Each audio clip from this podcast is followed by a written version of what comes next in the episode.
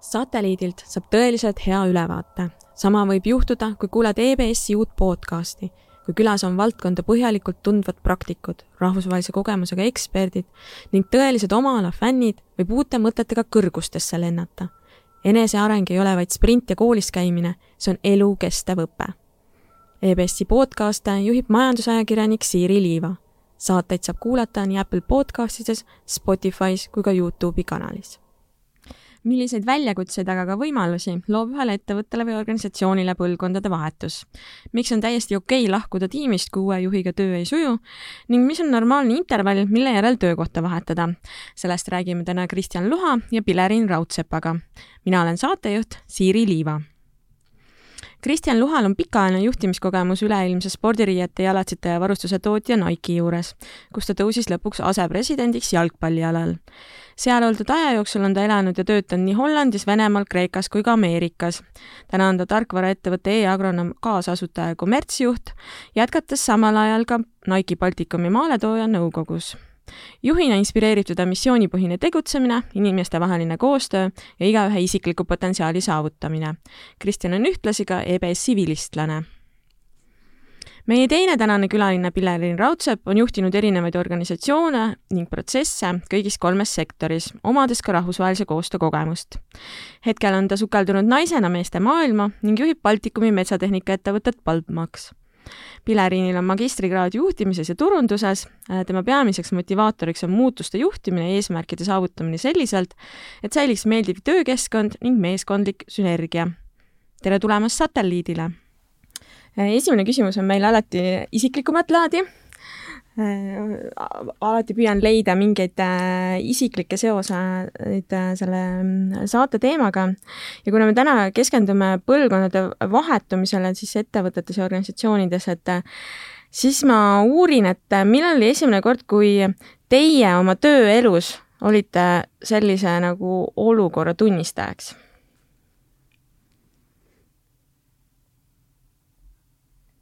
kui pikk see paus saab olla? Praegu hakkas elu silme eest niimoodi edasi-tagasi voolama, et äh, mm -hmm. ja ei, selles mõttes ma tahtsin täpsustades öelda, et, et see võis olla organisatsioon, kus te ise töötasite, aga see võis olla ka organisatsioon, mida te võib-olla nägite kliendina kõrvalt või, või mingil muul moel kõrvalt, et, et kus äh, kuidagi niisugune nagu hästi eredalt või, või selgelt nagu paistis niisugune nagu põlvkonnavahetus silma um,? no ma arvan, et niisugune äh, kõige võib-olla tõsisem põlvkonnavahetus on ikkagi olnud see, kui on juht näiteks vahetunud, et see muudab tegelikult äh, päris palju äh, sellist dünaamikat organisatsioonis, et, et võib-olla need teised, kõik need generatsiooni vahetamised nii selgelt pole meelde jäänud, aga just see, kui, kui mõni eakam juhtkolleeg on suundunud näiteks pensionile ja siis on noor uljate mõtetega äh, värske veri peale tulnud, et, et see, see on nagu olnud ilmselt selline kõige, kõige keerulisem või kohanemist mingit, vajav. oskad mingit konkreetset näidet ka tuua ja seda, et kuidas äh, tookord läks? ma läks väga hästi, et tegelikult äh, tihti organisatsioonides oodataksegi äh, äh, sellist äh, energia vahetamist, et et, et lihtsalt äh, erinevatel põhjustel seda teisiti ei toimugi, kui äh, kui inimesed eest ära ei lähe, et, et hästi palju seda on avalikus sektoris, kus ma olen äh, mõnda aega oma elus töötanud mm, -hmm. et inimesed hoiavad pikalt äh, ametipostidest kinni, see on eriti väikeste kohtade mure ilmselt, kus, kus töökohta lihtsalt ei ole ja see on täiesti inimlik.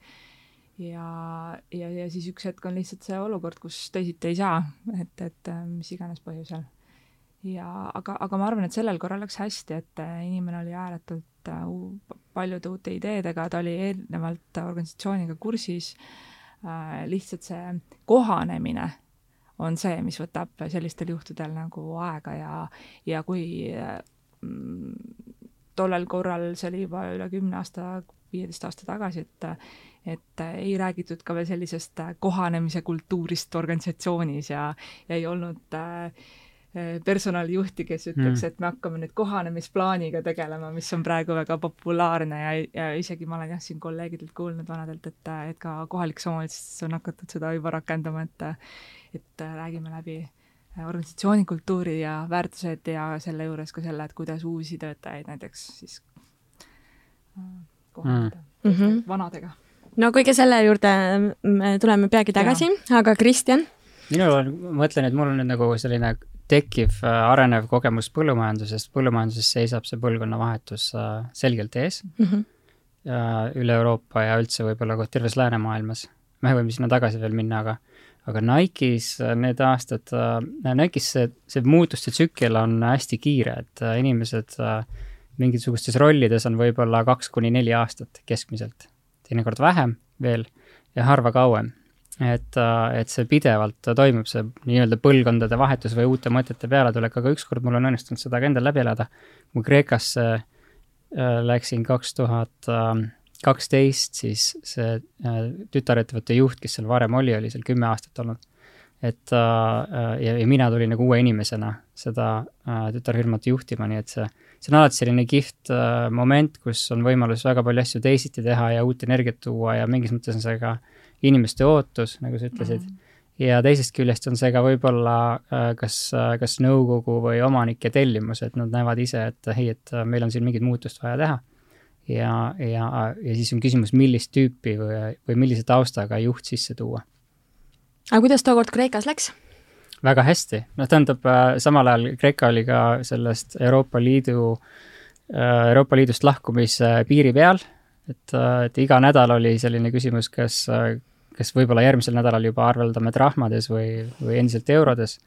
ja oli palju kriisi planeerimist äh,, noh suur, sügav majanduskriis, ega nad ei ole sealt tänasenigi veel täielikult välja tulnud ja, ja noh, sellist pinget ja stressi oli väga palju, eriti ka noh, just kreeklastele endile, kes, kus kodudes oli neil olukorrad väga keerulised, paljud inimesed olid tööta ja, ja kolisid võib-olla vanemate, vanavanemate juurde tagasi. Aga töökoht või see, see Äh, see organisatsioon ja kontor, bränd oli, see oli see koht, kus sai siis luua midagi uut ja, ja tekitada sellist positiivset energiat ja asju ikkagi edasi viia, et et see oli kihvt aeg samal ajal mm. -hmm. no kui sa ütlesid, et eelmine juht oli seal kümme aastat, kui pikalt sina seal olid? kaks aastat, see oligi kaheaastane no. töölähetus ja, ja siis peale seda liikusime tagasi Moskvasse kolmeks aastaks mm. -hmm. aga jah, Nike'i puhul on see tavaline, et selline kahekümne nelja, kolmekümne kuue kuulised tsüklid mm. -hmm Ehm, nii, nüüd siin juba tuli juttu sellest, et, äh, et kui palju nagu teie olete sellist nagu põlvkonna ehm, vahetust äh, oma karjääri jooksul näinud, et äh, Pillerin, sina juba tegid nagu otsa lahti, et, et sa rääkisid nagu sellest, et see kohanemine on see, mis alati nagu aega võtab, et, et noh, kui palju sa nendes erinevates olukordades äh, oled näinud niisugust nagu otsest juhtimismudelite muutust? kindlasti, no selles mõttes, et ähm, juhtimine ikkagi sõltub äh, väga suures määras sellest indiviidist, kes on juht, ehk siis äh, see paratamatu, et isegi kui sa jätkad äh, sama struktuuriga Äh, ei tee hierarhilisi muutuseid, mis iganes, eks ole, siis isegi noh, selline kas või selline emotsionaalne tasand ikkagi muutub. Äh, mingid uued mõtted, uued ideed, eks ole. Ähm, noh, kindlasti igasugune selline vahetus nagu tekitab ikkagi mingisuguse lainetuse, et, et ähm, aga oskad sa välja tuua mingit niisugust nagu noh, hästi kardinaalset muutust? Kardinaalselt mõttes. juhtimiskultuuris. selles mõttes on, et, et ega tihti sõltub äh, ju, ju mis astmel, äh, mis tasemel see muutus toimub, et tihti toob see kaasa ka tegelikult äh, suurema personalivahetuse näiteks, mis puudutab just juhti, et et sest, et sa ei saa viia oma ägedaid ideid ellu, kui teised sellega kaasa ei tule mm -hmm. või, või sa näed, et tegelikult puudub teatav pädevus su meeskonnas ehk siis selline meeskonnavahetus äh, on, on, on tavaliselt äh, vägagi nagu jah, reaalne. Äh, lihtsalt ongi küsimus selles, et õnneks on see nagu viimasel ajal muutumas, et see tendents, et sa võidki oma meeskonda nagu välja vahetada, et see mõttemalli muutus on hakanud tekkima. et ma mäletan seda, et kui ma oma töökarjääriga nagu alustasin peale ülikooli, siis, siis oli see ikkagi, igalt pool räägiti, et väärtus on see, kui inimene on hästi kaua tööl juhi ülesanne on hoida inimest tööl võimalikult kaua mm., pakkuda talle motivatsiooni seal koolituste näol ja arengu näol, eks ole, palk peab iga aasta natuke tõusma, mingid nagu sellised asjad, et peaasi, et ära ei lähe. siis nüüd on õnneks see mõttemall ka nagu muutub mas, et vastavalt sellele, millised on organisatsiooni ülesanded selles ajahetkes, võib ka seda meeskonda siis nagu see dünaamika, nagu sa rääkisid mm -hmm. just hetk tagasi, et et Kreekasse sa saadetigi sind ainult kaheks aastaks, et see on nagu, see on nagu mingi teatava no mõttega, eks ole, et, et tulevad uued väljakutsed, vajame uut energiat nii edasi, et noh, et et, et jah. jah, Pilleriniga mm -hmm. nõus, et noh, iga ettevõtmine või organisatsioon või, või mingisugune, mingisugune projekt saab, saab püsida Äh, jätkusuutlikult ainult siis, kui ta kogu aeg on muutuvuses ja, ja, ja käib kaasas äh, muutuva keskkonnaga, on ju, meil muutub äh, konkurentsiolukord, võib-olla tegutsemistingimused, võib-olla nüüd juba ka kliima hakkab mõjutama nii paljusid ettevõtmisi. ja, ja sellega tuleb kaasas käia mhm. ja et seda teha, peab ka ettevõtmine või ettevõte ise kogu aeg muutuma ja, ja arenema ja kaasas käima ja noh, ühest küljest on tore, et kui juhid ja töötajad on kaua kohal, siis neil on võimalus ennast realiseerida ja oma kogemust nagu maksma panna ettevõtte eesmärkide täitmisel, aga samas on vaja ka uut verd tuua peale ja, ja uusi mõtteid ja uusi ideid mm. -hmm. no sellest meeskonnavahetusest rääkides ja töötajate reaktsioonidest, et äh, ma tulen, Kristjan, selle sinu Kreeka kogemuse juurde tagasi, kuna sa ise seda ka mainisid äh,. kui palju muudatusi personalis äh, tuli koos sinuga? Äh, mitmeid tegelikult tõesti, et äh, ja see, minu arvates on täiesti normaalne. et äh, uue juhiga tuleb värske pilk ja sul ei ole sellist vana nagu pagasit kaasas inimestega, kellega sa oled võib-olla koos kasvanud või arenenud või, või nad sinuga koos läbi organisatsiooni äh, tulnud. ja, ja ei ole vanu selliseid võib-olla si-, sude äh,, suhteid ja sidemeid, eks mm. -hmm. et äh,, et sa vaatad kõike nagu äh, nii-öelda tühjalt lehelt ja, ja siis äh, annad oma hinnangu inimestele ja, ja see on ka hea võimalus nagu tuua äh, uusi inimesi organisatsiooni. minu puhul see niimoodi käis ka, et meil olid mitmeid inimesi äh, samal ajal ka mujalt mm -hmm. Nike'ist oli võimalik nagu kaasa haarata mm,. okei okay,, et sa juba läksid koos nagu mingi me oma meeskonnaga? ei läinud selle mõttega, et ma nemad sinna toon, okay. aga äh, kui kohale jõudsid, siis vaatasid, okei okay,, et keda meil, mida meil siin vaja on mm. -hmm ja, ja siis me leidsime väga hea äh, müügidirektori kanadalase mm, -hmm. kes tuli äh, äh, Türgist ja, ja pärast seda oli ta Moskvas ja nüüd on ta Jaapanis, et noh, ta on ka paljudes riikides mm -hmm. äh, käinud ja, ja turundusinimene tuli Itaaliast ja meil oli selline kihvt äh, rahvusvaheline äh, Kreeka juhtkond seal mm. -hmm. ma arvan, et noh, siin on ka see, see mõte mul, et, et äraminemine nagu ei peaks olema ka selline nutumoment, et traagiline sündmus. jah, et äh, ma mäletan, et kui ma olen kuskilt nagu ära läinud, siis on alati olnud noh, mis on nagu muidugi tore, et kolleegid sind peavad meeles, aga et siis on nagu lõpuks ikkagi päev, õhtu lõpuks äh, on selline väike pisar silma kõigil tulnud ja nii edasi, et tegelikult ei ole see äraminek äh, lahkumispidu lahkumi,. just, et tähendab, see ei ole nagu, sellega ei ole midagi katki mm, -hmm. et, et just ja, ja, ja järgmine nagu niisugune äh, muutumine, et ma arvan, et see generatsioonivahetus, ma loodan, et äh, uued noored inimesed äh, järjest enam on võimelised kiiremini kohanema mm, -hmm. mistõttu see selline liikumine, et äh, kui me sellest nüüd midagi positiivset hakkame lõpuks nägema, et me ei hakka enam kartma seda, et issand, tänapäeva noored, need ei pea kaks aastat mm, -hmm. kolm aastat kuskil mm -hmm. vastu, juba aasta pärast nad tahavad kuhugi minna, et et eks me peamegi nagu nüüd oma siis kõik oma selle juhtimisstiili ja kõik oma see mõtted nagu sinna suunama, et et see kõik on nii normaalne, et ta liigub edasi mm, -hmm. et mhm. ja, ja mm -hmm ja et äh, sellest ei ole midagi katki, seda tuleb ka samamoodi meeskonda toetada, et, äh, et kui mõni kolleeg saabki väga kalliks, sest et ta on nii tore inimene, siis sa võid temaga ju hiljem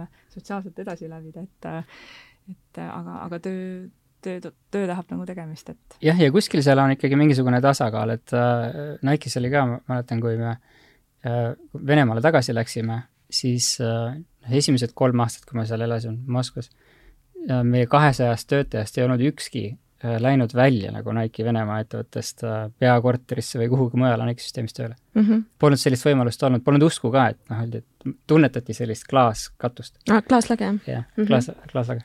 ja, ja nüüd sellel, sel teisel kolmel aastal kuidagiviisi me saime selle niimoodi käima, et äh, seal läksid kakskümmend, kolmkümmend inimest kahe-kolme aasta jooksul teistesse üksustesse tööle, väga paljud ka peakorterisse Euroopasse ja sa saad kuidagi nagu lahti tõmmata niimoodi käima.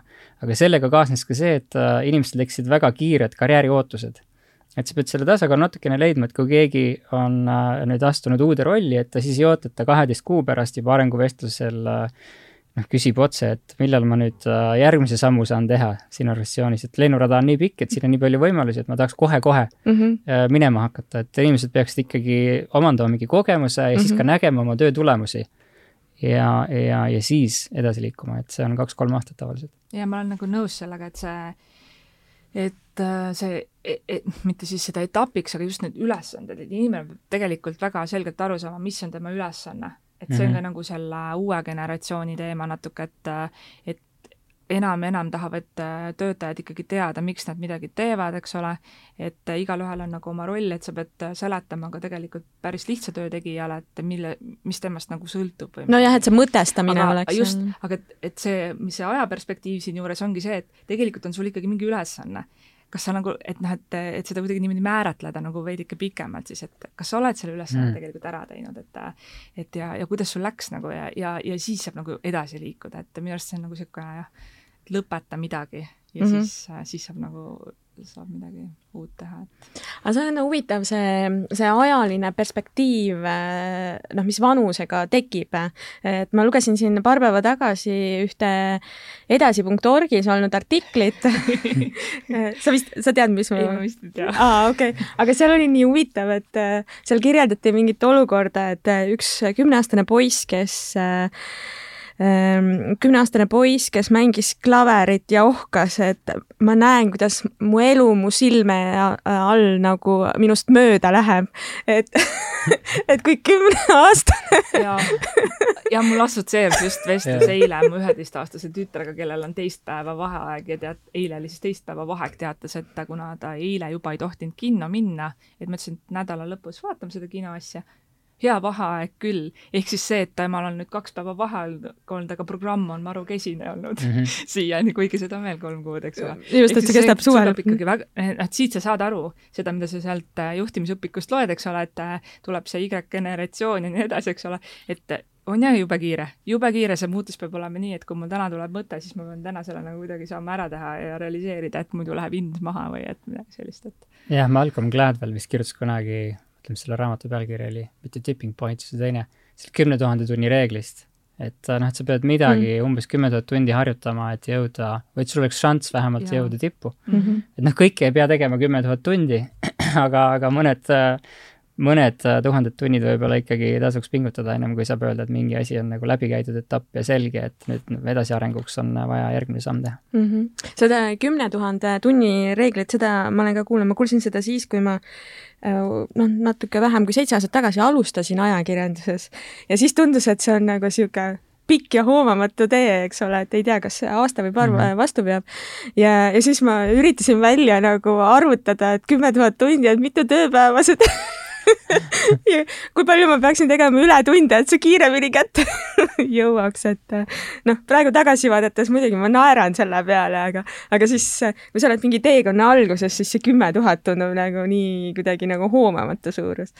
aga mingi hetk see nagu läheb nagu lennates käest ära aga äh, mis ma tundsin, Pillerin, kui sa rääkisid Äh, sellest, et, äh, et täna äh, täna on nagu okei okay,, et kui tuleb uus juht, vahetuvad inimesed ka mm, -hmm. et äh, ma olen ka olnud ühes olukorras, kus äh, noh, mul ei läinud uue juhiga nagu töö väga hästi käima. ja mina mõtlesin, et noh, jumal küll, et äh, ta nagu saab ise ka sellest aru, et see on tegelikult täiesti tema vabandus öelda seda mulle, et noh, et meil ei lähe see asi nagu käima, et et nagu lähme eraldi teid, aga ei, poolteist aastat nagu poolteist aastat nagu ma ei tea, kas pidasime või kannatasime mõlemad, kuni nagu mõlemad läksid nagu organisatsioonist ära, et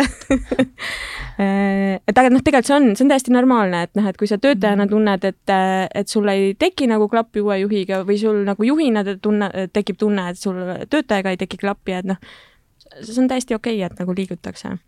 jah, seal, kuigi jah, paraku seda veel on päris palju. on, on, muidugi on, sest kannatataksegi mm. -hmm et et ei ole seda nagu ausat lähenemist tegelikult mm -hmm. asjale, mina nimetan seda, et tegelikult see kannatus ju kuskil ikkagi nagu tuleb siis ju töös ka ilmneb mm, -hmm. et mhm. kas äh, töö on halvasti tehtud, inimesed on tegelikult äh, demotiveeritud mm, -hmm. neil tekib mõnel võib-olla halvemal juhul mm -hmm. isegi mingisugune töödepressioon kerge mm, -hmm. ehk siis see vaimse tervise pool kannatab, on ju, et, et ja ja, ja keegi tegelikult ei võida sellest.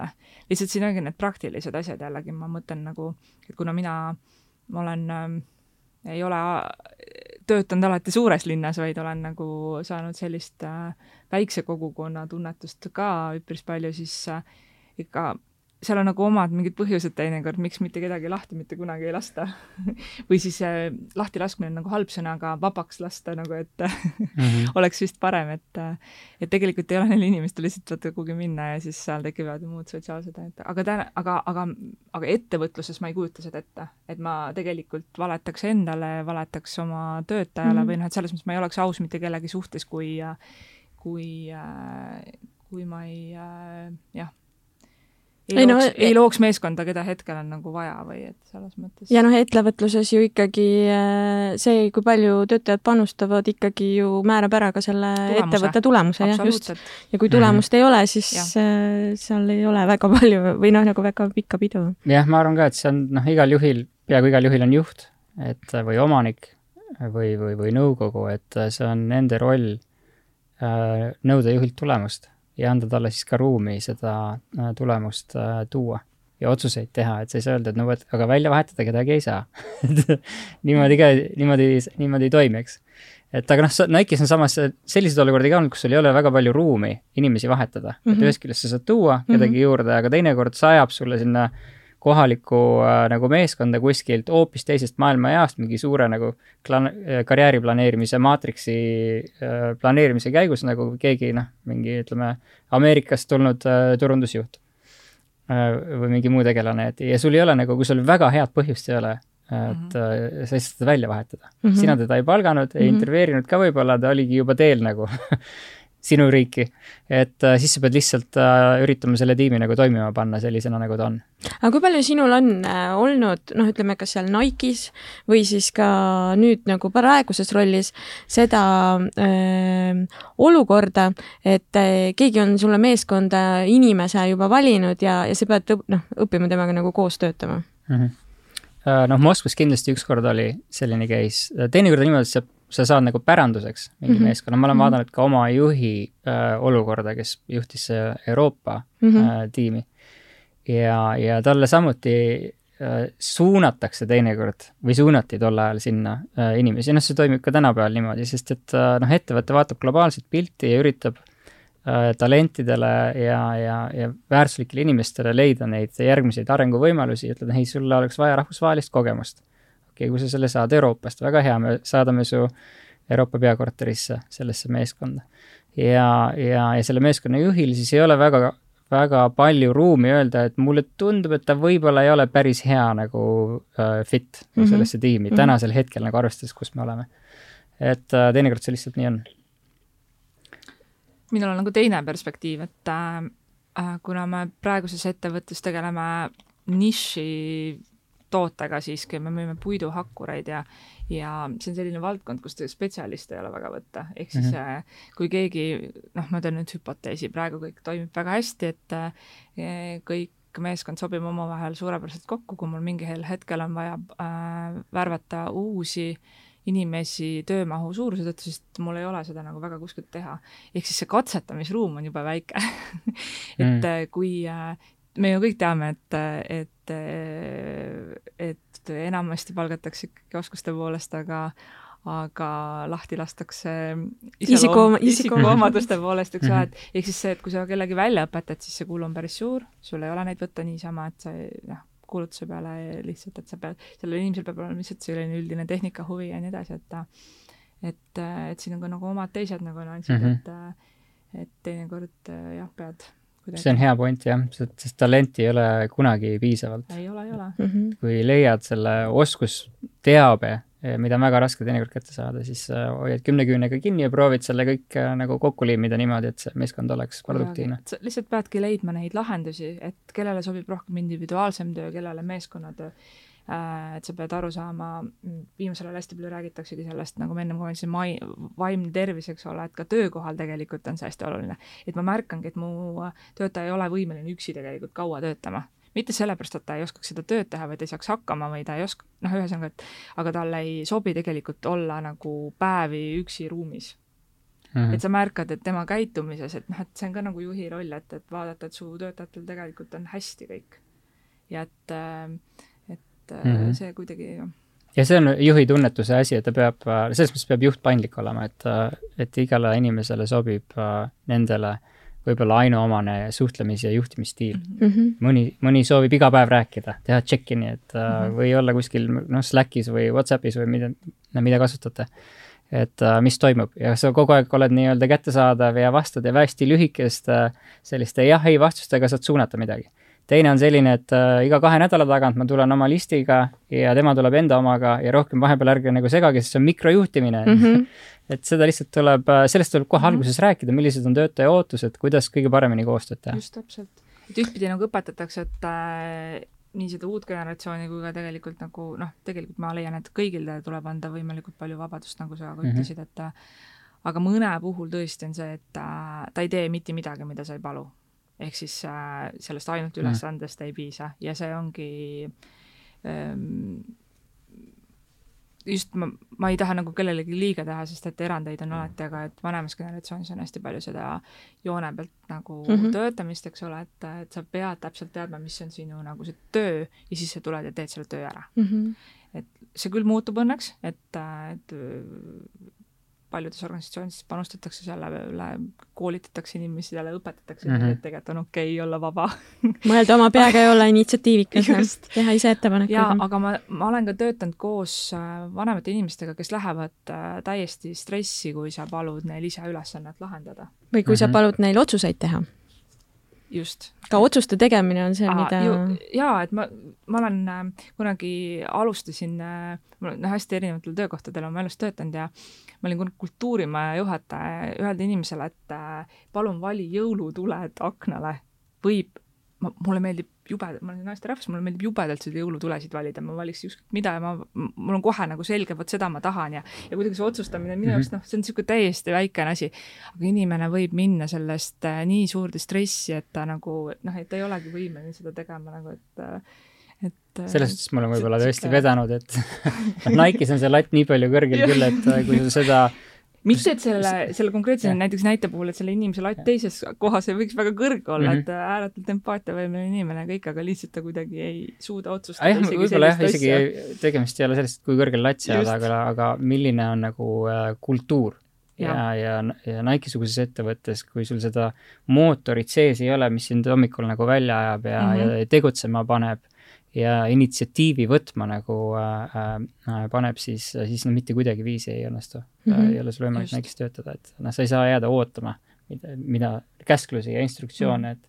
et eriti sellises ettevõttes, mis on nii suur, mulle tundub, Nike'i kultuur on ka äh, natukene selline, et äh, võib-olla see on ameerikalik, selline ideedepõhine, et meil on mingi uus idee, kontseptsioon, suund, aga manual'i nagu operating manual'i ei ole, et äh, ja paljudes sellistes ettevõtetes äh, kõik ootavad seni, kuni on väga lahti kirjutatud täpselt nagu, kuidas mingisugust äh, äh, strateegiat ellu viia ja siis hakatakse ellu viima ja viiakse hästi ka.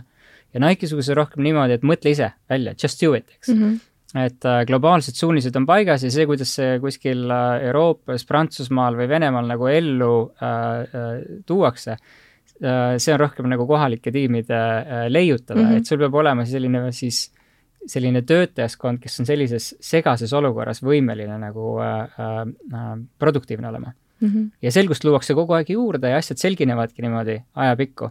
aga, aga ennem ei kirjutata kõiki asju lahti ja siis hakatakse tegema, vaid vastupidi, ennem öeldakse mingi idee hakatakse tegema ja siis avastatakse, et okei okay,, et mõned viisid on vähem optimaalsed kui teised ja siis niimoodi ühtlustub kiiresti ära üle maailma mm. -hmm ja liigutakse juba päris kiiresti edasi, aga mõnes mõttes nagu startup'ilik selline mentaliteet nagu mm -hmm. meilgi e-agronoomis, et et hakkame kiiresti toimetama ja siis itereerime ja, ja kohaneme. just mm -hmm. meil samamoodi, et kuna meie ettevõte on väikse tiimiga.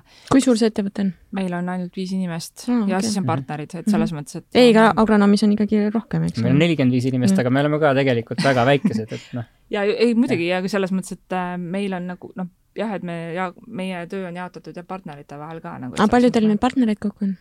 Äh, partnerid ikkagi niisugune kümne ringis, kellega me nagu igapäevaselt äh, koostööd mm, teeme okay. ja noh, selles mõttes, et äh, noh, mõnes mõttes võib seda ju laiendatud meeskonnaks nagu. absoluutselt, et seal on nagu inimesed ikkagi, kes ju igapäevaselt koostööd teevad mm, -hmm. aga aga samamoodi see startup-ilik äh, mõtlemine ilmselt äh, jääb, et äh, probleemid tekivad või nii kui sa märkad, sa pead neid lahendama ja see käib käigult, et väikse tiimi eelis ongi võib-olla see, et sa saad ka nagu mitte, et te seal Nike'is nüüd seal ka kuidagi mm -hmm. noh, see kõik obviously väga hästi tehtud, aga aga, aga, aga väikses tiimis on ka nagu lihtne nagu manageerida, et, et seal on omad võlud nagu mm, -hmm. omad muidugi kindlasti miinused ka, et mm -hmm. see, et sa väga isiklikult kõigesse suhtud mm -hmm. ja nii edasi, et aga, aga, aga jah, et, et see, mulle nagu meeldib see mõte, et ma just lugesin hiljuti sellist artiklit, et et tänapäeval ikkagi äh, heas meeskonnas inimestelt oodatakse kohe lahendust see, et sa märkad probleemi mm -hmm. ja mhm. tuled mulle ütlema, et probleem on tegelikult noh, sellest kiita ei saa. et pigem on see, et kui mhm. see kui probleem sa, ei jõuagi nagu. jaa, et kui sa leid probleemi selle juba ära lahendasid, on väga hea või vähemasti oskad mulle kohe pakkuda lahenduse, nagu siis on nagu, see on kiitust väärt, et selles mõttes, et siis hakkame lahendama mm. -hmm. et, et see on kindlasti nagu, aga, aga ma arvan, et siin aitabki see, et sa sellele äh, need äh, uuema põlvkonna töötajad ka, et nad ootavadki seda, et äh, neil on nagu vabadus ise korda ajada midagi ja ise ära mm -hmm. teha mm. -hmm. ja et see ülesanne peab olema selge, et see, mis eesmärk on, mis on meie nagu noh, visioon ja missioon on juba, juba võib-olla juba minevik, et nüüd juba see väärtus, eks ju, et mida me nüüd siis, mis väärtust me siis nüüd oma ettevõtte või asutusega loome, eks ole ja kui siis see on selge, see on nagu omavahel ausalt ära räägitud ja siis sa annadki selle ülesande ja mine lenda noh, ja siis on mingi aja, ajaperiood peab, noh mm -hmm., mingisugune piir peab sellel olema, et ära mm -hmm. nüüd mine igavesti lendama kuhugi, eks ole. no et ära nüüd liiga kõrgele ka lendama on jah, ja, ja Nikes ka, et juhtide roll väga palju on selguse loomine. just mm, -hmm. et mitte ainult, mis on väärtused, millised on väärtused, aga, ja millised on eesmärgid, aga äh, veel täpsemalt, milline on strateegia. ja, ja selle selguse igapäevane loomine on põhitöö ja kui sul on head äh, töötajad, noh, mis head, võimekad töötajad, kes suudavad äh, oma peaga mõelda ise initsiatiivi võtta, siis nad jõuavad nende lahendusteni väga hästi ja mm -hmm. soovivadki seda, et neil oleks endal seda ruumi teha mm. -hmm okei okay., no tulles nüüd äh, tagasi selle põlvkonnavahetuse teema juurde otsesemalt, et äh, kas on olnud olukordi, kus te ise olete pidanud põlvkonnavahetuse algatama või olema see nii-öelda uus põlvkond, kes peale tuleb? minul ei äh,, ei ole, noh, Nike'is sellist kogemust ei ole olnud ja nüüd e-agronoomis, noh, see ongi startup, kus mina olen vist võib-olla kõige vanem töötaja tegelikult, peaaegu. või ei, või ei ole ka tegelikult, meie agronoom Simon on äh, neljakümne äh, aastase kogemusega, et et ta on vanem, aga asutajad on kahekümne viie ja kolmekümne aastased, et et on väga noor äh, tiim ja, ja pigem me oleme, opereerime nagu keskkonnas, kus meie klient on nagu selles selles etapis äh, keskmine põllumees on Euroopas viiekümne kuue aastane ja, ja, ja nüüd kuskil vägil, noh, lähiajal see põlvkondade vahetus äh, äh hakkab juhtuma. noh, ongi juba käimas, eks mm, -hmm. et mhm et põllumehed annavad üle oma ärisid kas lastele ja kui ei anna lastele, siis tekib mingisugune konsolideerumine, et keegi võtab üle mm. -hmm. aga ma, mõtlen, noh, teil on, eks ole, teil on niisugune kaasaegne kahekümne esimese sajandi tehnoloogiline lahendus, eks ole, mida te põllumeestele mm -hmm. pakute. et äh, kui palju te siis seda põlvkondade erinevust nagu oma toote müümisel äh, tajute või tunnetate? Noh, selgelt on see seal äh, olemas, et äh, McKinsey vist on kirjutanud, et põllumajandus on kõige vähem digitaliseeritud valdkond maailmas. Äh, koos jahindusega oli seal kirjutatud, et, et põllumajanduses, noh, põllumees ei ole, igapäevaselt ei otsi tarkvaralahendusi, kuidas digitaliseerida oma äri keskmiselt, keskmine põllumees. et on selliseid, kes seda teevad, aga ütleme, selline nagu suurem mass äh, ei ole aktiivselt otsimas äh, võimalusi, kuidas äh, uusi innovatsioone rakendada. seda tuleb nüüd juurde Äh, kogu aeg ja ma noh, kõik, kõik valdkonnad digitaliseeritakse, et sellest pääsu ei ole põllumajandusel samuti. ja, ja, ja põllumees teadvustab seda vajadust äh, rohkem ja võib-olla näeb ka, et äh, tal tuleb seda teha.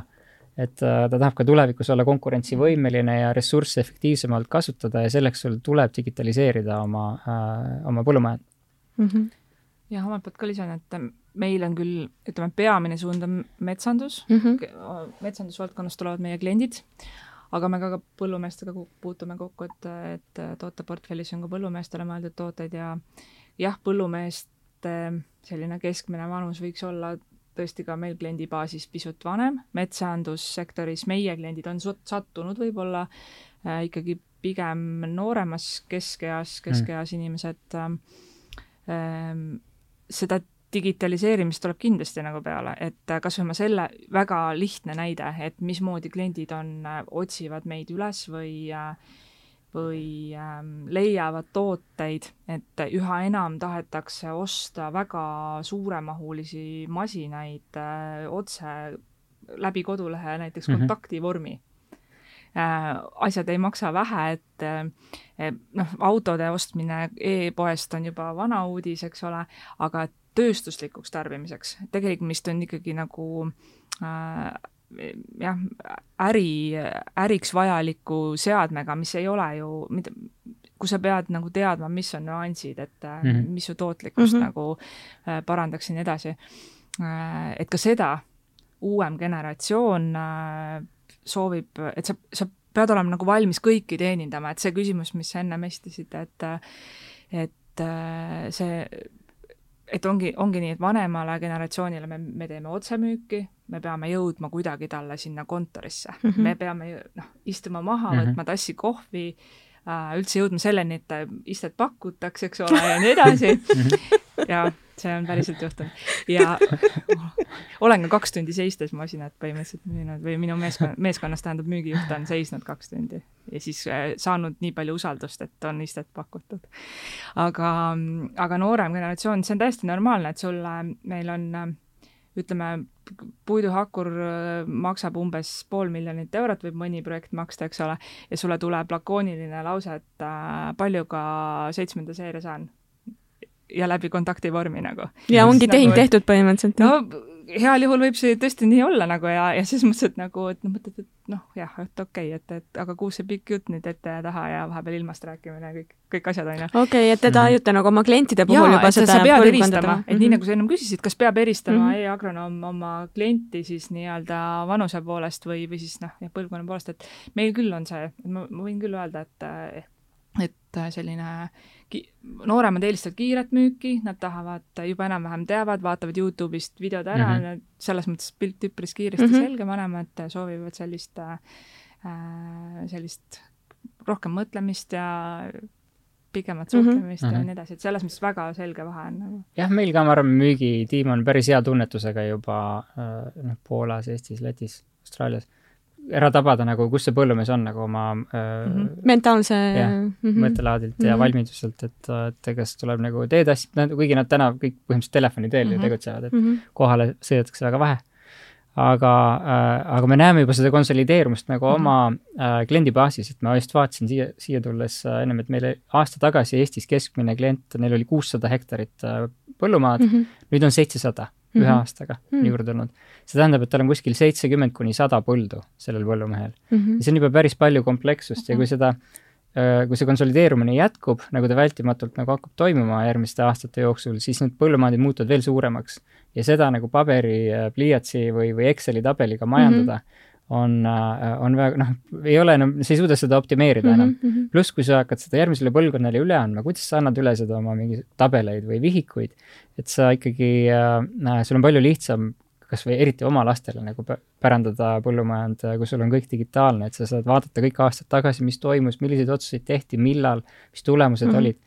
et, äh, et noh, selleks juba on, on vajalik, et sul on mm -hmm. digitaliseeritud. just, et ega siis noh metsandusvaldkonnas ka, et mingeid teatavaid uusi äppe ja, ja sellist digitaliseerimist on märgata ähm,. Kas... Timbeter vist on. jaa, Timbeter on üks mm. tuntumaid, mis on nagu Eestis mm., äh, Eestis tulnud ja, ja selles mõttes lööb laineid hästi ähm,. aga, aga ka tegelikult nagu natuke lihtsamad nii-öelda asjad, mida võib-olla ei pea digitaliseerimisega, mida, mida see on, et, et kas või äh, Äh, see, et veoselehed ei ole enam paberi peal mm -hmm. näiteks või et, et sul on kõik ikkagi mm -hmm. digitaalsel mm -hmm. kujul ja, ja tegelikult ka kõik need programmid, mis aitavad laohaldust ja, ja klientide haldamist äh, muuta nagu paremaks, et teatud sektorites see masinate osakaal on väga suur, et äh, mitte ainult müügiinimesel ei ole ülevaade näiteks su masinapargist, vaid sul endal samamoodi on ligipääs samale andmestikule seal mm Mhm. -hmm. kusagil, eks ole, et mida su hooldusraamatutele, mis iganes, et ja see on ülekantav. see, just see, mis sa ütled, et, et, et kõik need andmed on nagu kenasti kompaktselt nagu edasiantavad mm. -hmm. et see on kindlasti üks võtmesõna.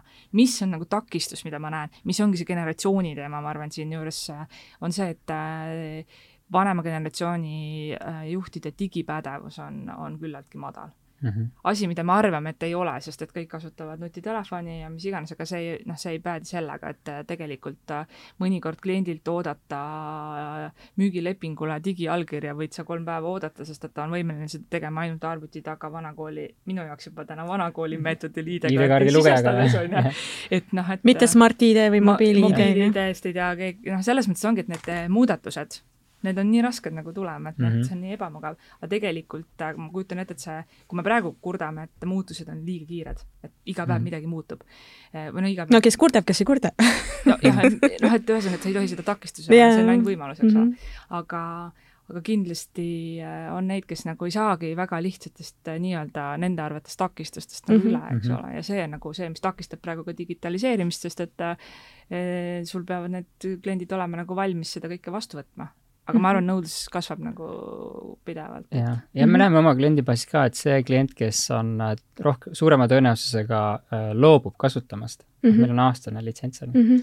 on, on keskmiselt vanem, nad ei pea oma vanust sisestama, aga noh, me nii palju neid tunneme, et, et ta, ta lihtsalt ei hakka, ta, ta ei tule üle nagu sellest. ta, ta, tal ei muutu selle kasutamine sujuvaks ja, või noh, et ja, ta ei hakka seda igapäevaselt rakendama mm -hmm. ja, ja ei tule, aga samas põllumeestele meeldib üksteisega ennast võrrelda, et kes kui palju saagikust sai või, või millised tulemused olid, aga ja äh, aga infot selle jaoks on väga vähe, sa mm -hmm. kuskilt loed, mis keskmised tulemused olid mm. -hmm. aga tegelikult, kui kõik kasutaksid tarkvara mm -hmm. äh, ja Eestis aina rohkem seda äh, kindlasti tehakse, meil on võimalik benchmark ida, on ju, sa mm -hmm. vaatad sinu piirkonnas selliste mullatüüpidega põldude keskmine saagikus äh, oli selline mm. -hmm. kui palju keskmist väet-, väetiselt pandi, et äh, sisendeid kasutati, sa saad kõiki asju võrrelda anonüümselt mm. -hmm. ja, ja, ja selles mõttes selles, see on juba eraldi lisaväärtus põllumehele mm. -hmm. ja ütleks, et see on kindlasti palju täpsem kui Statistikaamet, et mm -hmm.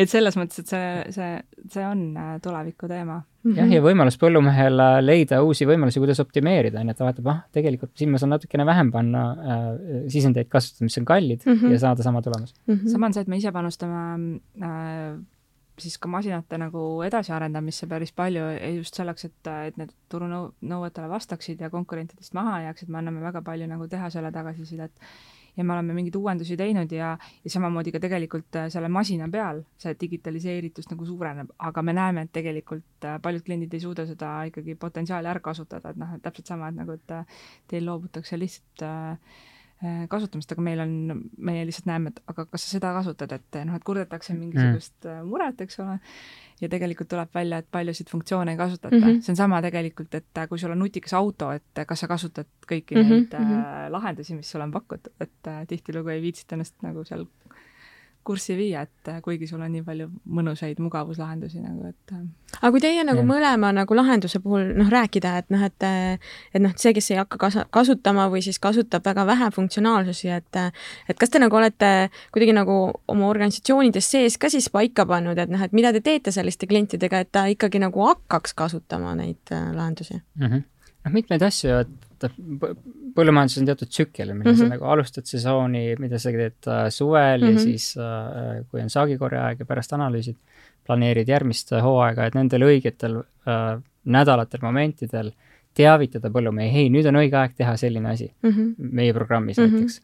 või äh, panna mullasensorid nagu mulda mm -hmm. kevadel mm, -hmm. varakevadel, et, et ajastada teatuid äh, tegevusi et, äh, et ta nagu loomulikult äh, aidata neil alustada mm -hmm. või kasutada programmi rohkem täisväärtuslikumalt, et äh, nendel õigetel momentidel, siis see on naturaalne tegevus nendel, mida nad niikuinii peaksid tegema. okei okay,, et teil on juba viis. nagu oma sellesse nii-öelda tootesse sisse ehitatud niisugune, et te nagu mm -hmm. saadate neile nagu neid reminder eid või? jah, ja newslettereid nagu natuke... ja mm -hmm. kodulehel ja Facebooki postitused ja selline mm -hmm. sisuloome, et mm, -hmm. et mhm. vaatavad, nüüd on õige aeg mm -hmm.. okei ja meil sama, meil meil on nagu puhtalt see, et sa pead tegelikult kliendi väljaõppel, pead olema tubli mm -hmm. ja mhm. tegelikult see, et me panustame ka hiljem nagu sellesse, kuna me tegeleme ka ju hooldusega mm, -hmm. järelhooldusega, siis lihtsalt noh, seal on omad mured, et äh, kui palju su hooldustiim on, taht-, tahab ise suhelda näiteks Aa. et tegelikult Mhm. on see Suhtlu- nagu, suhtlus. suhtlus just, et ühed Mhm. inimesed teevad tööd ja teised siis suhtlevad, et Mhm. siis see peab olema kuidagi manageeritud niimoodi, et kõik, kõik asjad saaks Mhm. tehtud, eks ole. aga seda ma noh, märkan, et, et tegelikult potentsiaali Mhm. on nagu, noh, seda on alati rohkem. et Mhm. tegelikult noh, kümne aasta pärast me istume siin ja siis räägime jälle, et potentsiaali on jube palju rohkem, et potentsiaali on kogu aeg rohkem õnneks küll potentsiaal ainult kasvab. Aga äh, Pilerin, ma küsin sinu käest, et noh, et sa oled töötanud äh, kolmes erinevas sektoris, nagu siin alguses sai ka öeldud, on ju. Et noh, kui suured ähm, ähm, vahed on sinu hinnangul äh, kolme sektori vahel, kui, kui nagu vaadata seda noh, põlvkondade vahetumise kiirust, organisatsioonide vastuvõetav, vastuvõtuvõimet sellele äh, ja nii edasi no,? no kolmanda sektori puhul äh, see MTÜ-line liikumine on selline teema, et äh, see on, see on väga selgelt väärtuspõhine mm. Mm -hmm. ehk siis on, äh, kuna mistõttu ka ilmselt äh, satub kokku pigem ühes vanusegrupis olevad inimesed, kuigi ma olen ka seotud olnud selliste ühingutega, kus on lai, väga lai spekter. Ja seal ongi kuidagi jaotatud ära sektsioonidesse inimesed, mistõttu ei ole ka selles mõttes põrkumist, et äh, tegelikult on kõigile generatsioonidele midagi ja siis nad tegelevad seal nii-öelda omakeskis ka, tulevad korra, vahepeal tullakse kokku suurte mm. teemadega, vahepeal tehakse väikseid asju ähm, aga mm, ikka on, et on need esindusliitudes kindlasti vanad tunnevad alati, et nemad on kõige targemad mm. -hmm. Noored tulevad ja arvavad, et äh, ainult minul on lennukad ideed ja teised on tagurlikud. ehk siis äh, seda kindlasti on. noh. siis seal on seda clash'i põlvkondade ja vahelist seal ongi nagu juhtidel see roll, et, äh, noppida siis kõik need terad välja, eks ole, et et ja kuidagi seda sünergiat tekitada, et ka seal tuleb seda kohanemist nii-öelda omavahel ja, ja tegelikult lihtsalt inimesed peavad saama suhelda omavahel hästi palju ja, ja kuidagi kokku kasvada, et aga mm, avalikus sektoris ja, ja ja ettevõtluses kindlasti no seda, seda põrkumist, seda ikka tuleb, see on, see on sama, et et aga, aga ma arvan, et kui inimesed on ka ausad ja austavad nagu üksteist mm -hmm. ja tegelikult jällegi see selgitus, ma arvan, et sellest mm -hmm. ka, et kui tegelikult ka selliseid täiesti lihtsaid asju tuleb inimestele selgitada. et kui võtame mida sa silmas pead näiteks? ma mõtlengi seda, et äh, igal äh, generatsioonil on oma nagu teatav väärtus organisatsioonile anda nagu mm. -hmm. tegelikult see on niisugune nagu tundub äh, äh, tavaline asi, mina isiklikult pean lugu nagu kõigist äh, sõltumata vanusest mm, -hmm. soost, eks ole, aga, aga seda tuleb nagu teistmoodi kuidagi organisatsiooni kultuuri tuua, et, et niisugune nagu erinevustega just, arvestamist. just rõhutadagi, et mm -hmm. kogemus äh, on, on, on ka oluline ja, ja samas on uued mõtted olulised ja et, et kõik on nagu hästi, et mm -hmm. ma arvan, et kui kõik saavad sellest ülesandest aru ja, ja, ja seda selgit-, noh, ma olen nii palju kohanud seda, et öeldakse, et aga palju ma räägin. et ma olen juba nii palju rääkinud või et me oleme juba nii palju sellest rääkinud. tegelikult ei ole kunagi nagu palju, et, et ma arvan, et Mm -hmm. nagu öeldakse, vaidluses selgub tõde, eks ole, siis tuleb ja. vaielda, kuni see tõde vähemalt selleks korraks on nagu selgeks ja kui on juba sul jah, et ja kui iga kord, kui keegi tiimi lisand tuleb mm. -hmm. seda jälle otsast peale mm -hmm. teha, et, et tõsi. see on, tundub tüütu, aga tegelikult, kui see läheb sinna kuidagi voolu nii-öelda mm -hmm. lo loomulikuks, siis, siis on see nagu mm. -hmm. väikest ka, isegi mitte, no tähendab, generatsioonide seisukohalt ja. samuti, aga äh, ka läbi funktsioonide vaadates ettevõttes mm -hmm. tuleb inimesed saada nii palju kui võimalik, no rohkem ühesõnaga ühe laua taga, ühe laua taha midagi koos tegema, et nad üksteisest aru saaksid, miks nad üldse midagi teevad ja, ja, ja millised nende enda väljakutsed on nagu erinevates valdkondades mm. -hmm. just, mul, jumala, segan nüüd vahele, aga jube hea näide, mul oli kunagi äh, äh, sõbranna sa-, töötas Saapa vabriku logistikuna ja kui oli tööjõukriis, käis aeg-ajalt ise taldu alla panemas ja ta ütles, et see nagu aitab isegi logistikul oma tööd paremini teha, kui sa ju nagu algusest mm -hmm. peale mm -hmm. saad aru, kuidas midagi tehakse mm. -hmm. no kuidas protsessid käivad just, ja miks mm, -hmm. et noh, et kui midagi jääb tootmises nagu toppama või et kui sina ei suuda oma taldu õigel ajal tegelikult äh, noh, kohale mm -hmm. saada, et, et või, või tähendab, kuigi see on nagu nii basic ja kõik mm -hmm. teavad enam-vähem, kujutab, ma enam-vähem kujutan ette, kuidas seda mm -hmm. saabastel kokku pannakse mm, -hmm. siis tegelikult see on ikkagi oluline. täpselt, ma olen siin äh, Baltikumis on Nike maaletooja äh, nõukogus ja meil on selline programm, et äh, kõik kontoritöötajad käivad mingite äh, noh, intervallide tagant kaupluses mm -hmm. üks päev müümas mm. -hmm. minu arust Starbucks teeb sedasama asja, kui ma lugesin kunagi Onward mm, -hmm. selle raamatut äh,, Howard Schultzi raamatut. Et nende tippjuhid käivad ka nendes kohvikutes, eks äh, äh, tööl. ja, ja siis sa puutud lõpptarbijaga, lõppkliendiga kokku, päeva jooksul saad ka aru, millised äh, probleemid on äh, kaupluse tasandil mm. -hmm. et äh, noh, kontorist on lihtne igasuguseid plaane teha mm, -hmm. kui sa ei taju nagu seda, kus su toode kohtub kliendiga, keskkonda äh,, siis äh, noh, sa, sa ei, ei saa nii hästi nagu hakkama nagu sealt äh, kontorist juhtides. Et seda, seda tunnetust on nii palju vaja, Moskvas ka me rääkisime, kuidas seda, kuidas seda äh, äh, ühtsustunnet ja üksteist mõistmist rohkem juurde tuua, me tegime selliseid hommikusi nagu breakfast meeting uid, et äh, üks mingi funktsioon võttis, täna on croissant'id meie kulul, kõik võivad hommikul tulla. Ja me räägime, mida meie näiteks turundus, müügi või mm -hmm. finantsosakond, mida me siin teeme, mis on meie põhilised probleemid ja väljakutsed ja, ja mida me saame teilt nagu teistelt oodata nagu, et, et me koos paremini midagi tehtud saaks mm. -hmm. see aitab ka vältida seda olukorda, kus äh, tootmine kogu aeg räägib, et ah, nad seal kontoris mm -hmm. joovad ainult kohvi mm -hmm. ja loevad ajalehti ja mitte midagi ei tee, et et, äh, et tegelikult ei mõistagi inimesed mm -hmm. ja meil on äh, ettevõttes, äh, noh, kus on nelisada töötajat, eks ole, on äh, igakuised infopäevad, kus siis ka nagu noh, kõik erinevad valdkonnad räägivad, et küll seal reklaam, küll levi, küll IT-arendus, toimetus ja nii edasi, et ja noh, siis ongi see, et mõtled ise ajakirjanikuna nagu hästi nagu oma selle töö keskselt, aga siis, kui sa näed, et mis teised osakonnad kõik teevad, et siis mm -hmm. kuidagi nagu tekib nagu endal ka suurem ja laiem pilt. pluss siin on nagu see, et kuna ma, ma ise olen nagu suunanud rohkem marketingi inimest, siis ma ütlen, et kõige parem äh, turundus on sinu õnnelik töötaja, mistõttu peabki su õnnelik töötaja väga hästi teadma, et mm -hmm. kuidas, mis ja, ja kui ta kasvõi kuskil sünnipäevalauas jutustab lugu, siis ta räägib sellest nii, nagu see võiks olla, eks ole, et mm -hmm. mitte ei mõtle ise välja. et mm, -hmm. et seal on ka see nagu oluline nüanss minu arvates. jah, aga Kristjan, ma küsiks sinu käest äh, seda, et noh, Nike on väga rahvusvaheline kontsern, eks ole, see tuli enne sinu jutust välja ka, et kui sa peaksid võrdlema, et noh, kumb oli seal töötades suurem väljakutse, kas põlvkondade äh, vaheline erinevus või kultuuride vaheline erinevus? no põlvkondade vaheline kindlasti ei olnud, et mm -hmm.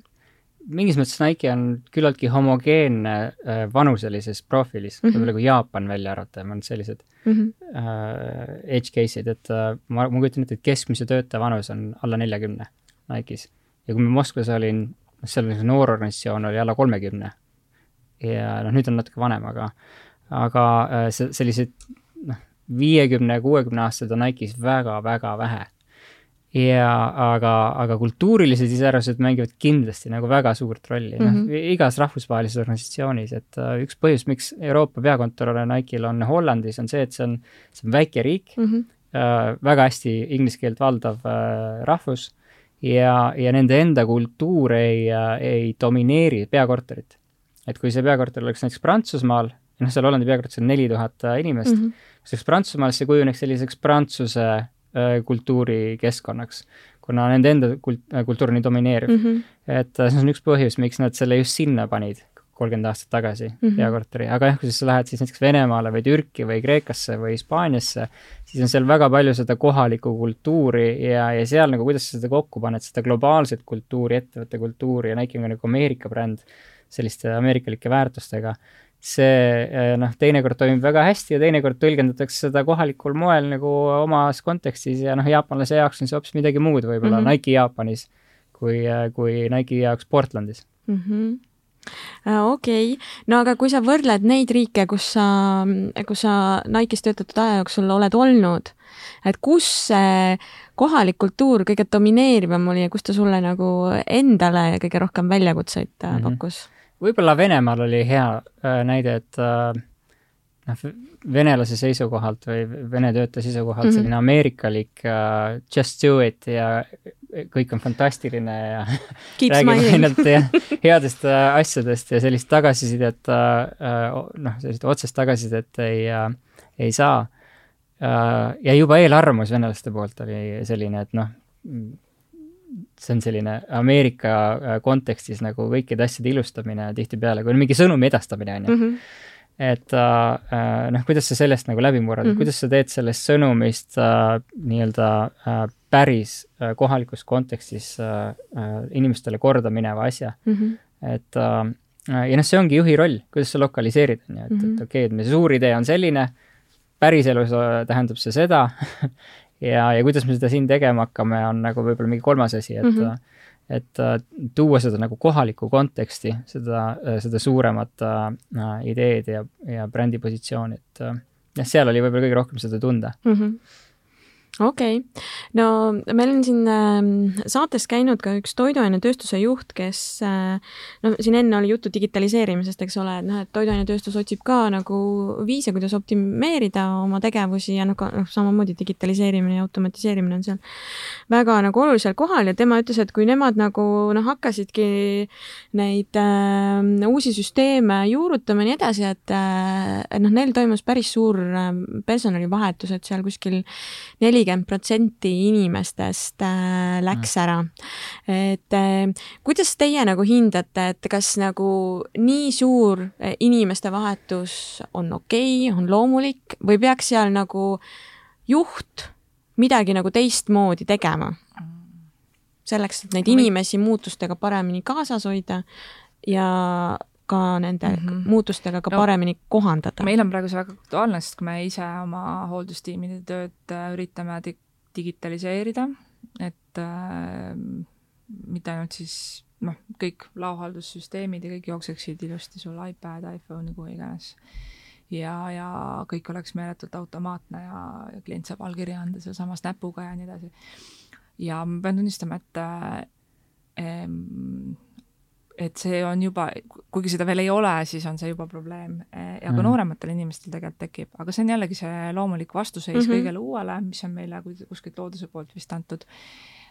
ja tegelikult saab teha küll, et noh, et eh, ma just täna tekkis see mõte, et, et kaasata juba enne, kui ma olen tegelikult selle lõpliku IT-lahenduse nagu tellinud oma töötajaid esiteks mm. -hmm. et nemad saaksid ka olla seal juures, et Mm mm -hmm. -hmm. isegi kui seal lõpuks spetsialistide poolt tuunitakse Mm -hmm.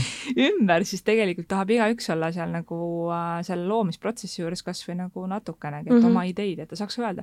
ja vabalt äh, sealt võib tulla tõelisi pärleid mm, Mhm. -hmm. et, äh, et mingite funktsionaalsuste osas, mingite nuppude lisamise Mhm, osas, mhm, mis teeks nagu asja Mhm. lihtsamaks, eks ole ja, ja samamoodi nagu sa ennem ütlesid, et Starbuckis, et käiakse ise kohvi müüamas, et selleks, et aru saada, kuidas lõpptarbija tunneb ennast ja ja sama on sellega, et tegelikult on ju minu töötaja see lõpptarbija, mitte mina, et mina organisatsioonisiseselt. mina tahan saada, noh, okei okay,, jah, mina ka, sest mina tahan neid tabeleid lõpuks näha, aga -hmm.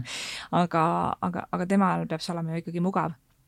et ma arvan, et see näiteks aitab, et kui sa nagu algusest peale Mhm. kaasad mm -hmm. ja noh, jällegi see, et sa võid, no see lõputu sele-, selgitamine, kommunikatsioon absoluutselt, see, seda ei saa kunagi olla liiga palju mm. -hmm. seda ei saa kodus olla liiga palju, seda ei saa tööl olla liiga palju, mitte kusagil, et äh, selgita, et inimesed noh, see eel, eeldada ei tohi nagu kunagi. Mm -hmm. Mm -hmm. ma olen täiesti nõus äh, Pilleriniga, et see võib-olla see nelikümmend protsenti on ikka väga ekstreemne see on natuke palju, jah. äh, näide, et võib olla selliseid olukordi, mida kus- teha sellises kus olukorras? tõesti see oli äh, vajalik, et äh, noh, kui ettevõttes vajalik muudatus on nii suur seal olid ka, ma, siin vahele ütlen, et, et see oli ka vanem põlvkond. mm. -hmm. jah, just, et võib-olla see on tehnoloogilistel äh,, tehnoloogilise taustaga muudatus ja kui inimesed ei saa sellega või soovi või ei ole valmis kaasa tulema mm, Mhm. -hmm. siis, siis ongi ainult kaks valikut, on ju, et kas mm Mhm. -hmm. sa tuled kaasa või lähed ära mm, Mm -hmm. -hmm. aga noh äh,, nagu, nagu Pillerin ütles, et see, see kaasamine, teavitamine äh, päris algusest peale, miks me üldse, meil on vaja seda mm Mhm. -hmm. teha.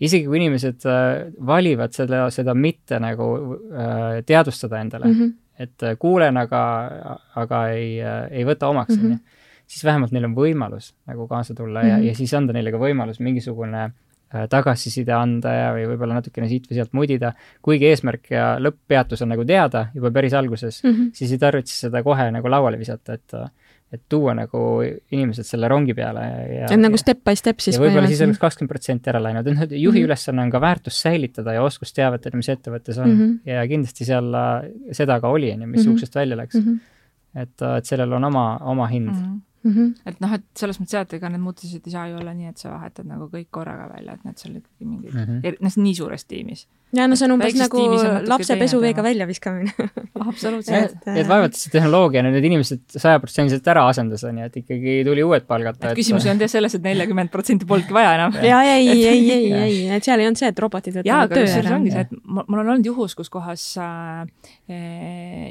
sellise infokoosoleku äh, lisamine nädala mm -hmm. töö, töögraafikusse tekitab sama, sarnast vastutulek, äh, vastumeelsust. ehk siis töös otseselt ei muutugi nagu midagi, et ei tek-, ei tule uut arvutiprogrammi, ei mm -hmm. tule mingit asja, mida sa pead õppima, ei pea kuhugi koolitusele minema.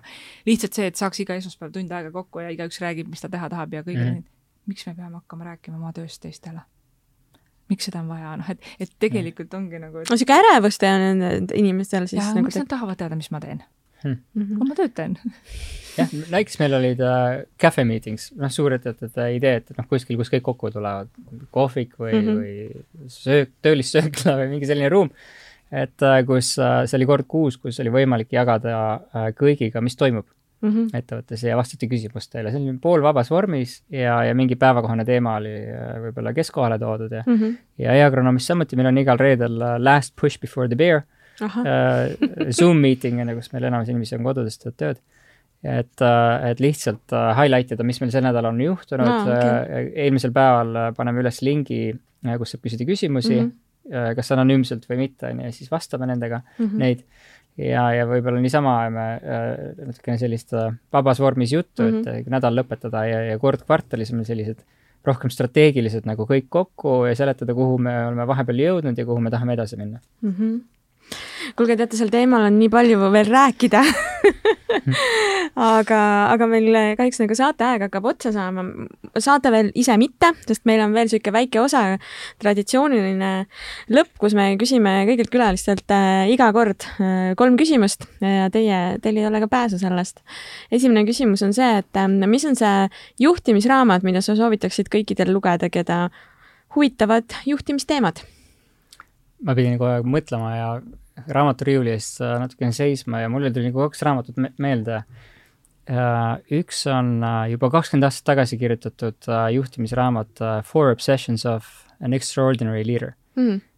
autorit ei mäleta, aga tol ajal, vähemalt kui ma seda lugesin, läks mulle väga hästi, väga tugevalt korda, kuidas meeskondades luua usaldust ja koostööd ja, ja nõuda ka seda, et selles mõttes oli väga kasulik lugemine. Ja teine on ühe äh, Ameerika sõjalaeva kapteni kirjutatud äh,, Abrashov oli ta perekonnanimi äh,, raamat oma juhtimiskogemusest, kuidas ta, kuidas ta laevameeskonna sai toimima, kus mm. noh, vea hind võib olla väga suur.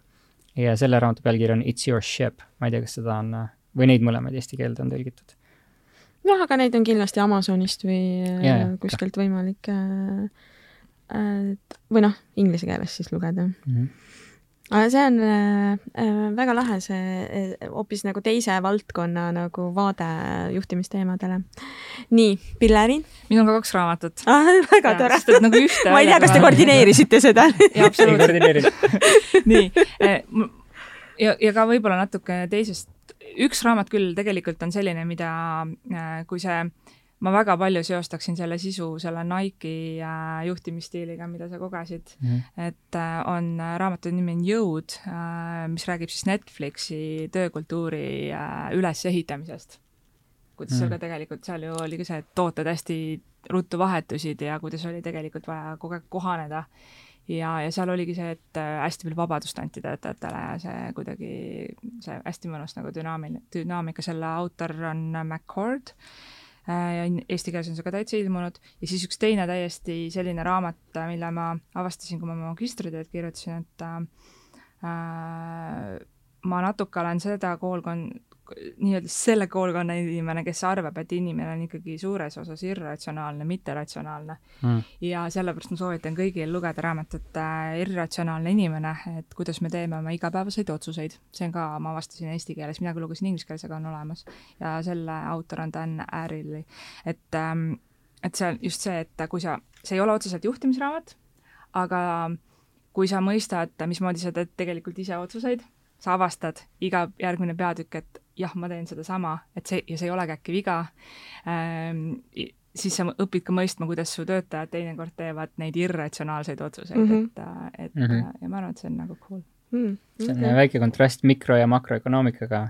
ja, ja ma olen ka nagu just sama, et äh, mina küll Tartu Ülikoolist, aga samamoodi seda tuubitit äh, ikkagi, et äh, ja, ja siis sa avastad, et tegelikult müügis, noh jah, kuna mind see turundusvaldkond siis mm -hmm. tõesti palju huvitab, et siis müügis see ei päde nagu see no samamoodi on ajakirjanduses, et äh, emotsioon on see, mis Just, müüb, mitte mis nagu... juhib inimest, et mm okei äh,, väga lahe. Äh, ma küsin vahele, Kristjan, ega sa seda Netflixi lugu ei ole lugenud või oled või äh,? mul tuligi just äh, selle Netflixil väga kihvt raamat uh, No Rules Rules mm. -hmm. kas Reed Hastings on asutaja või?